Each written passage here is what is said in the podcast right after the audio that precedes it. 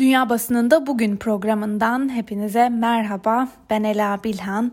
Bugün 13 Temmuz Pazartesi ve bir haftalık aranın ardından dünya basınında öne çıkan haberleri aktarmak üzere yeniden sizlerleyiz.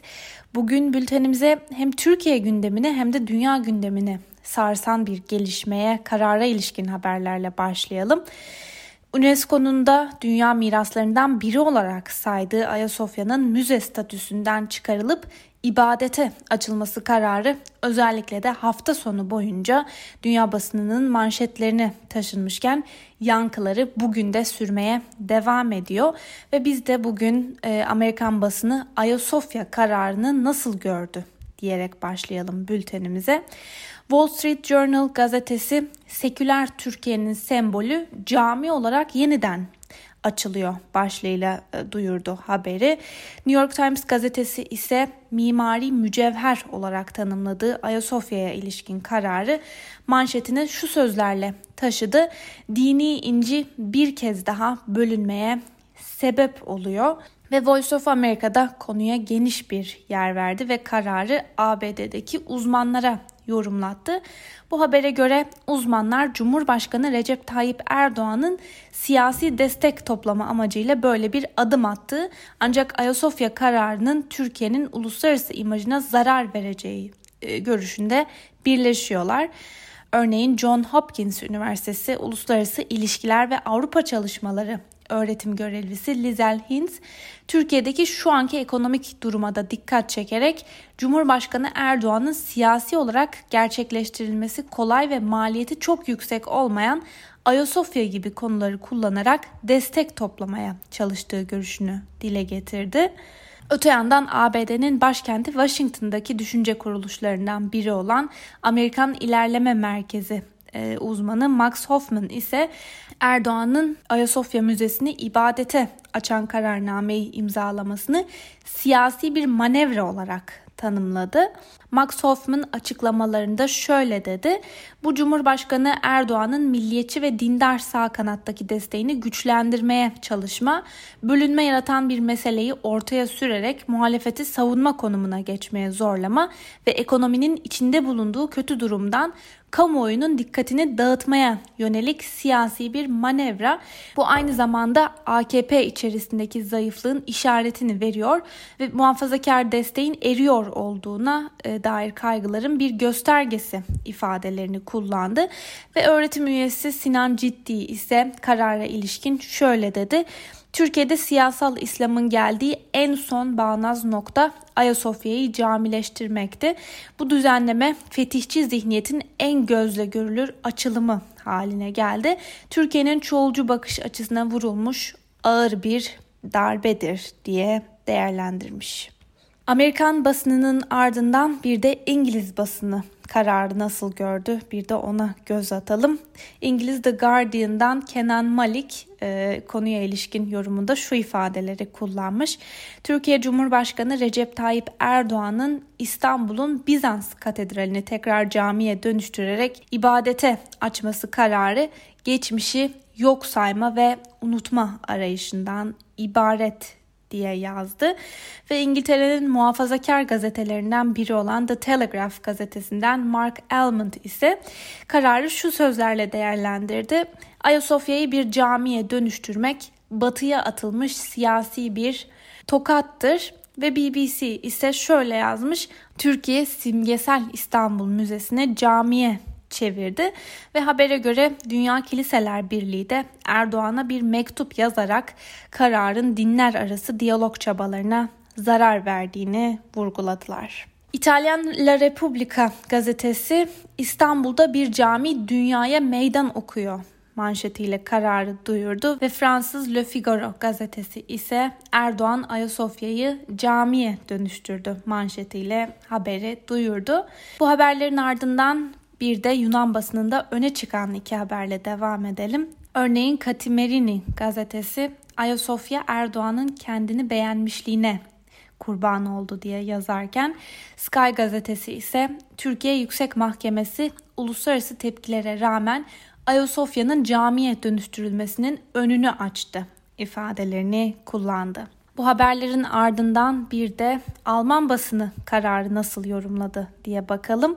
Alman Die Welt gazetesi hafta sonu Deniz Yücel'in Ayasofya kararına ilişkin e, yazdığı yorumu gündemine taşımıştı. Deniz Yücel yazısında kararı şu sözlerle yorumladı. Alınan karar erken seçimin bir sinyali olarak okunabilir. AKP büyük hikayelerini tüketti.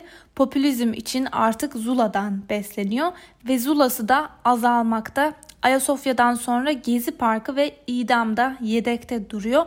Soru bu rejim çökecek mi değil, çökerken daha neleri beraberinde yıkacağıdır diye yazmış. Die Welt'in ardından bir de Deutsche Welle'de öne çıkan haberleri sizlere aktaralım. Papa'dan Ayasofya tepkisi başlıklı habere göre Ayasofya'nın camiye dönüştürülme kararını Papa Francesco büyük acı duyuyorum sözleriyle değerlendirdi. Öte yandan kararı eleştiren Dünya Kiliseler Konseyi'nin Erdoğan'a yazdığı açık mektupta kuruluşun internet sayfasında yayınlandı.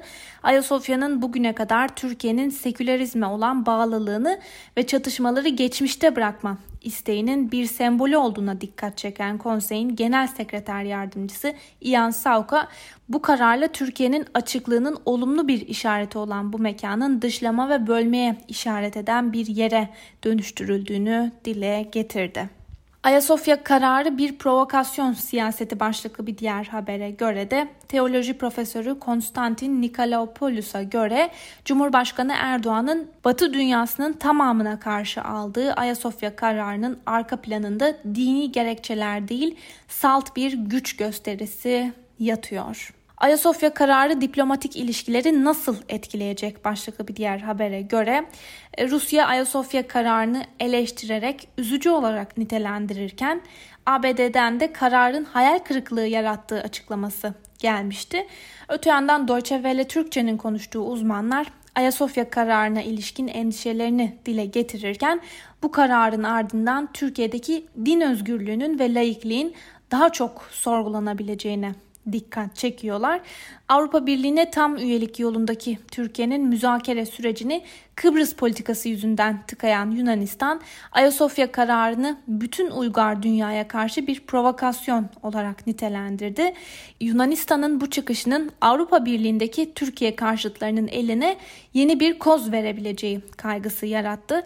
Uluslararası ilişkiler uzmanı Soli Özel Deutsche Welle Türkçe'ye Yunanistan'ın Avrupa Birliği içinde gürültü koparacağı açık ama bu gürültüde asıl belirleyici olan mülteciler meselesi olabilir. Bu yüzden Avrupa Birliği Türkiye'ye bambaşka bir açıdan bakıp çıkar ilişkisini sürdürmeyi tercih edecektir değerlendirmesinde bulundu. Rus basınından Sputnik haber ajansı da ağırlıklı olarak karara yönelik tepkileri gündemine taşımış.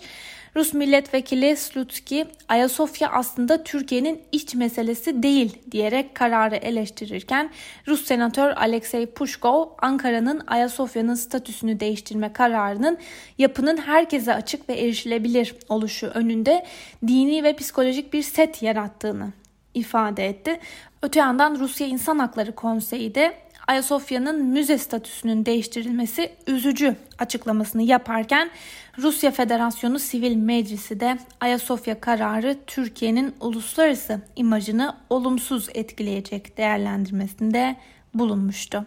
Öte yandan Russia Today ise kararı aktardığı haberde Moskova'nın bu yapının kültürel önemini vurgulamakla birlikte sorunu Türkiye'nin iç meselesi olarak gördüğünü de aktardı. Ayasofya'ya ilişkin verilen karar Hint basınında da geniş bir yer buldu. Örneğin Indian Express şöyle yazdı. Dünya Kiliseler Konseyi Ayasofya'nın statüsündeki değişimin ardından dehşete düştü ve son olarak El Cezire ise konuyu şu sözlerle gündemine taşımış. Ayasofya'yı yeniden camiye dönüştüren Türkiye'ye dünyadan tepkiler gelmeye devam ediyor. Yunanistan'dan UNESCO'ya, Kıbrıs'tan dini liderlere kadar birçok kişi ve kurum müze statüsündeki Ayasofya'nın bir camiye dönüştürülmesi konusundaki endişelerini dile getirmeye devam ediyorlar. Ayasofya'ya ilişkin verilen kararı dünya nasıl gördü sorusunu yanıtlamaya çalıştık ve geriye kalan süremizde de bu konu dışında dünya basınında öne çıkan haberlere de kısaca göz atalım ve yine bültenimizin başında da değindiğimiz Amerikan basınına geri dönelim. New York Times gazetesi bugün ağırlıklı olarak koronavirüse ve eyaletlerde kontrolsüzce artan vaka sayılarını gündemine taşırken Florida'da da son 24 saatte 15 bin yeni vaka tespit edildiği belirtilmiş. Bir günde tespit edilen vaka sayısı yeni bir rekor kırmışken test sayılarıyla paralel olarak artan vaka sayıları hastane kapasiteleri konusunda da endişeleri bir kez daha gündeme getirdi. Öte yandan yine New York Times gazetesinden Charles Blow ise e, orantısız vaka artışından sorumlu tuttuğu ABD Başkanı Donald Trump'ı yazısında eleştirmiş. Trump'ın rol aldığı Amerikan korku filmi başlıklı yazıya göre salgının ABD'de kontrolden çıkmasının en büyük sebebi Trump'ın salgını yönetemeyişi. New York Times gazetesiyle benzer olarak Florida'daki ani vaka artışını gündemine taşıyan Voice of America ise Florida'nın günlük vaka artışının Avrupa ülkelerinin salgında zirveyi yaşadıkları dönemdeki vaka sayılarını bile geçmiş durumda olduğunu belirtti. Ayrıca son verilere göre Florida bir ülke olsaydı ABD, Brezilya ve Hindistan'ın ardından dünyada vaka sayısı en fazla olan dördüncü ülke olacaktı. Bir de İngiliz basınında öne çıkan birkaç haberi sizlere aktaralım ve Independent ile başlayalım. Açlığın acı bilançosu koronavirüsü geçecek başlıklı habere göre Oxfam koronavirüs pandemisinin kötüleştirdiği açlık krizi nedeniyle 2020 yılı sonu itibariyle günde 12 bin kişinin yaşamını yitirebileceğini açıkladı. Gazeteden John Bennett ise e, Trump Amerika'nın istediği başkan değil ama hak ettiği başkan başlıklı bir yazı kaleme almış. Bu yazının satır başlarını sizlere aktaralım. Şu sıralar siyasi yelpazenin her noktasında Amerikalılar çarpık bir bağımsızlık duygusu besliyor gibi görünüyor. Washington ABD'nin ırktan maske takmaya, koronavirüsün gerçekten ciddi bir şey olup olmadığından ihanetin tanımına kadar her konuda bu kadar bölünmüş olmasının nedenlerinden biri. Cumhuriyetçi Başkan ekonomi hakkında meşru endişeleri olsa bile benim hastalanmama kayıtsız kalıyor ve demokrat valide insanların hastalanmasını önlemek isterken üzerimde tiranlık kuruyor. Bağımsızlık herkesin burada yaşarken ne yapmak isterse onu yapacağı anlamına gelmez diye yazmış. BBC bugün gündemine Avrupa Birliği'nin kritik toplantısından Türkiye'ye yaptırım kararı çıkacak mı başlıklı bir haber paylaşmış. Habere göre Avrupa Birliği Dış İlişkiler Konseyi bugün Türkiye özel gündemiyle toplanacak. Fransa'nın çağrısı üzerine 27 ülke Dışişleri Bakanlarını bir araya getirecek olan toplantıda Doğu Akdeniz bunalımının yanı sıra Suriye ve Libya'da bazı üye ülkelerle Ankara arasında yaşanan gerginlikler de masaya yatırılacak. Ayasofya'nın camiye dönüştürülmesinden dolayı eleştirilerin bu toplantıda da dile getirilmesi bekleniyor. Ancak Türkiye aleyhine somut bir adıma dönüşmesi öngörülmüyor. Bu süreçte dönem başkanı olarak görev yapan Almanya'nın Türkiye ile ilişkilerde yeni bir gerilim istememesi en önemli etken olarak değerlendiriliyor. Suriye'ye yardımların tek kapıdan yapılması milyonlarca kişiyi riske atıyor başlıklı bir diğer habere göre Birleşmiş Milletler Güvenlik Konseyi Türkiye'den Suriye'nin kuzeybatısına taşınan yardımların tek kapıdan sürmesini öngören kararı onayladı. İnsani yardım kuruluşları ise yardım götürülen kapı sayısının bire düşürülmesinin milyonlarca kişiye yardım ulaştırmayı zorlaştıracağını söylüyorlar. Fransız Le Monde gazetesi de bugün gündemine koronavirüse ilişkin bir haberi taşımış. Bu habere göre salgın Fransa'da e, yeniden yükselişe geçmenin yani ikinci dalganın sinyallerini de vermeye başladı. Ve son olarak Euronews ise bugün Polonya'da yapılan Cumhurbaşkanlığı seçim sonuçlarını gündemine taşımış. Polonya'da düzenlenen Cumhurbaşkanlığı seçimlerinin ikinci turunda sandık çıkışı anketlerine göre mevcut Cumhurbaşkanı Andrzej Duda oyların %50.4'ünü alarak yeniden seçildi. Polonya haber ajansı PAP'nin haberine göre Duda'nın rakibi sol liberal ve yeşillerin oluşturduğu Civic platformunun desteklediği Varşova Belediye Başkanı Rafael Trzaskowski'nin ise %49.6 oy aldığı da belirtildi. Rusya'da on binlerce kişi Putin'i istifaya çağırdı başlıklı bir diğer habere göre Rusya'nın doğusunda yer alan Haberovsk bölgesinde muhalefet partisinden olan vali Sergey Furgal'in terörle mücadele birimleri tarafından gözaltına alınması halkın tepkisine yol açtı. Hafta sonu sokaklara inen on binlerce kişi devlet başkanı Putin'i istifaya çağırdı.